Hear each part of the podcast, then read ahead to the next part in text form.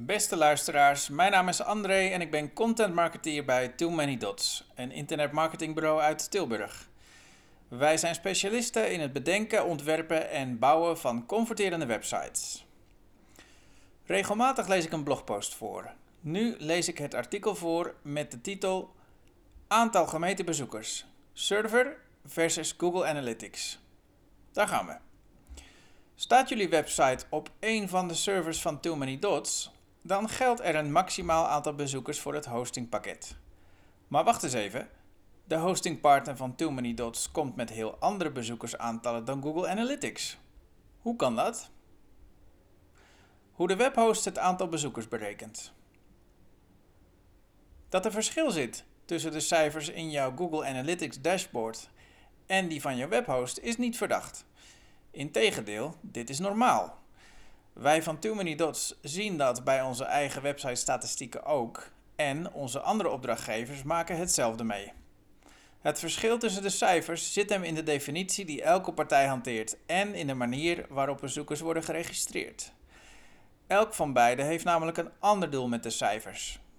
Google Analytics wil gebruikersgedrag zo accuraat mogelijk in kaart brengen, terwijl de hosting provider zo eerlijk mogelijk de kosten wil doorberekenen. Dus, wat is nou eigenlijk een bezoeker? Wat is voor de server of hostingpartij een bezoeker? Er zijn veel manieren waarop websites worden bezocht. Zo zijn er bezoekers die wegklikken voordat de pagina volledig geladen is, de beruchte bounce. Maar ook mensen die tientallen pagina's doorploegen. Ook zijn er bots, geautomatiseerde bezoeken van bijvoorbeeld zoekmachines die jouw site indexeren. Een hosting provider registreert elk unieke IP-adres in een periode van 24 uur als unieke bezoeker. Aan de ene kant drukt dat de bezoekersaantallen, bijvoorbeeld wanneer twee computers uit één bedrijf je dezelfde dag bezoeken.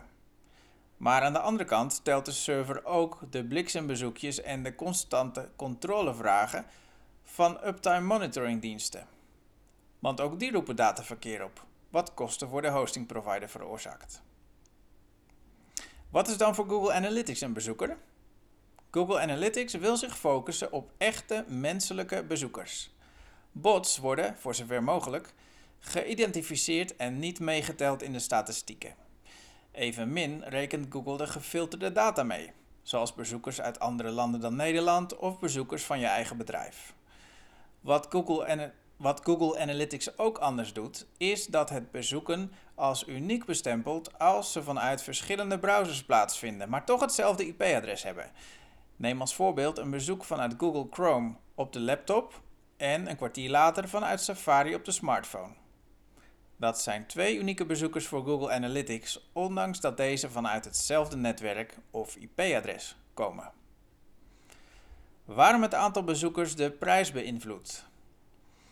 Een van de kenmerken van het gekozen hostingpakket is de bandbreedte. Hoeveel verkeer er over de verbinding kan. Iedere keer dat iets of iemand jouw website benadert, verstuurt de server gegevens over de verbinding. Ook al gaat het over een bounce of een bot. Al het verkeer samen schaart de hosting provider onder de noemer billable visits, factureerbare bezoekers. Het is dan nog logisch dat de hosting providers een hoger bedrag rekenen aan een multinational die veel bandbreedte verbruikt, dan aan de lokale loodgieter wiens website nauwelijks bezoekers trekt.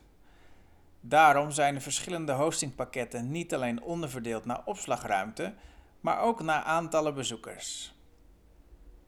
Samengevat: pagina's laden kost geld. Het verschil tussen de cijfers van Google Analytics en jouw host is dus goed te verklaren.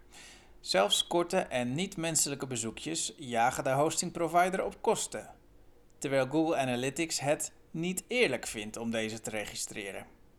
Daarom is het gebruikelijk dat de hosting provider met hogere, hogere bezoekersaantallen komt dan Google Analytics.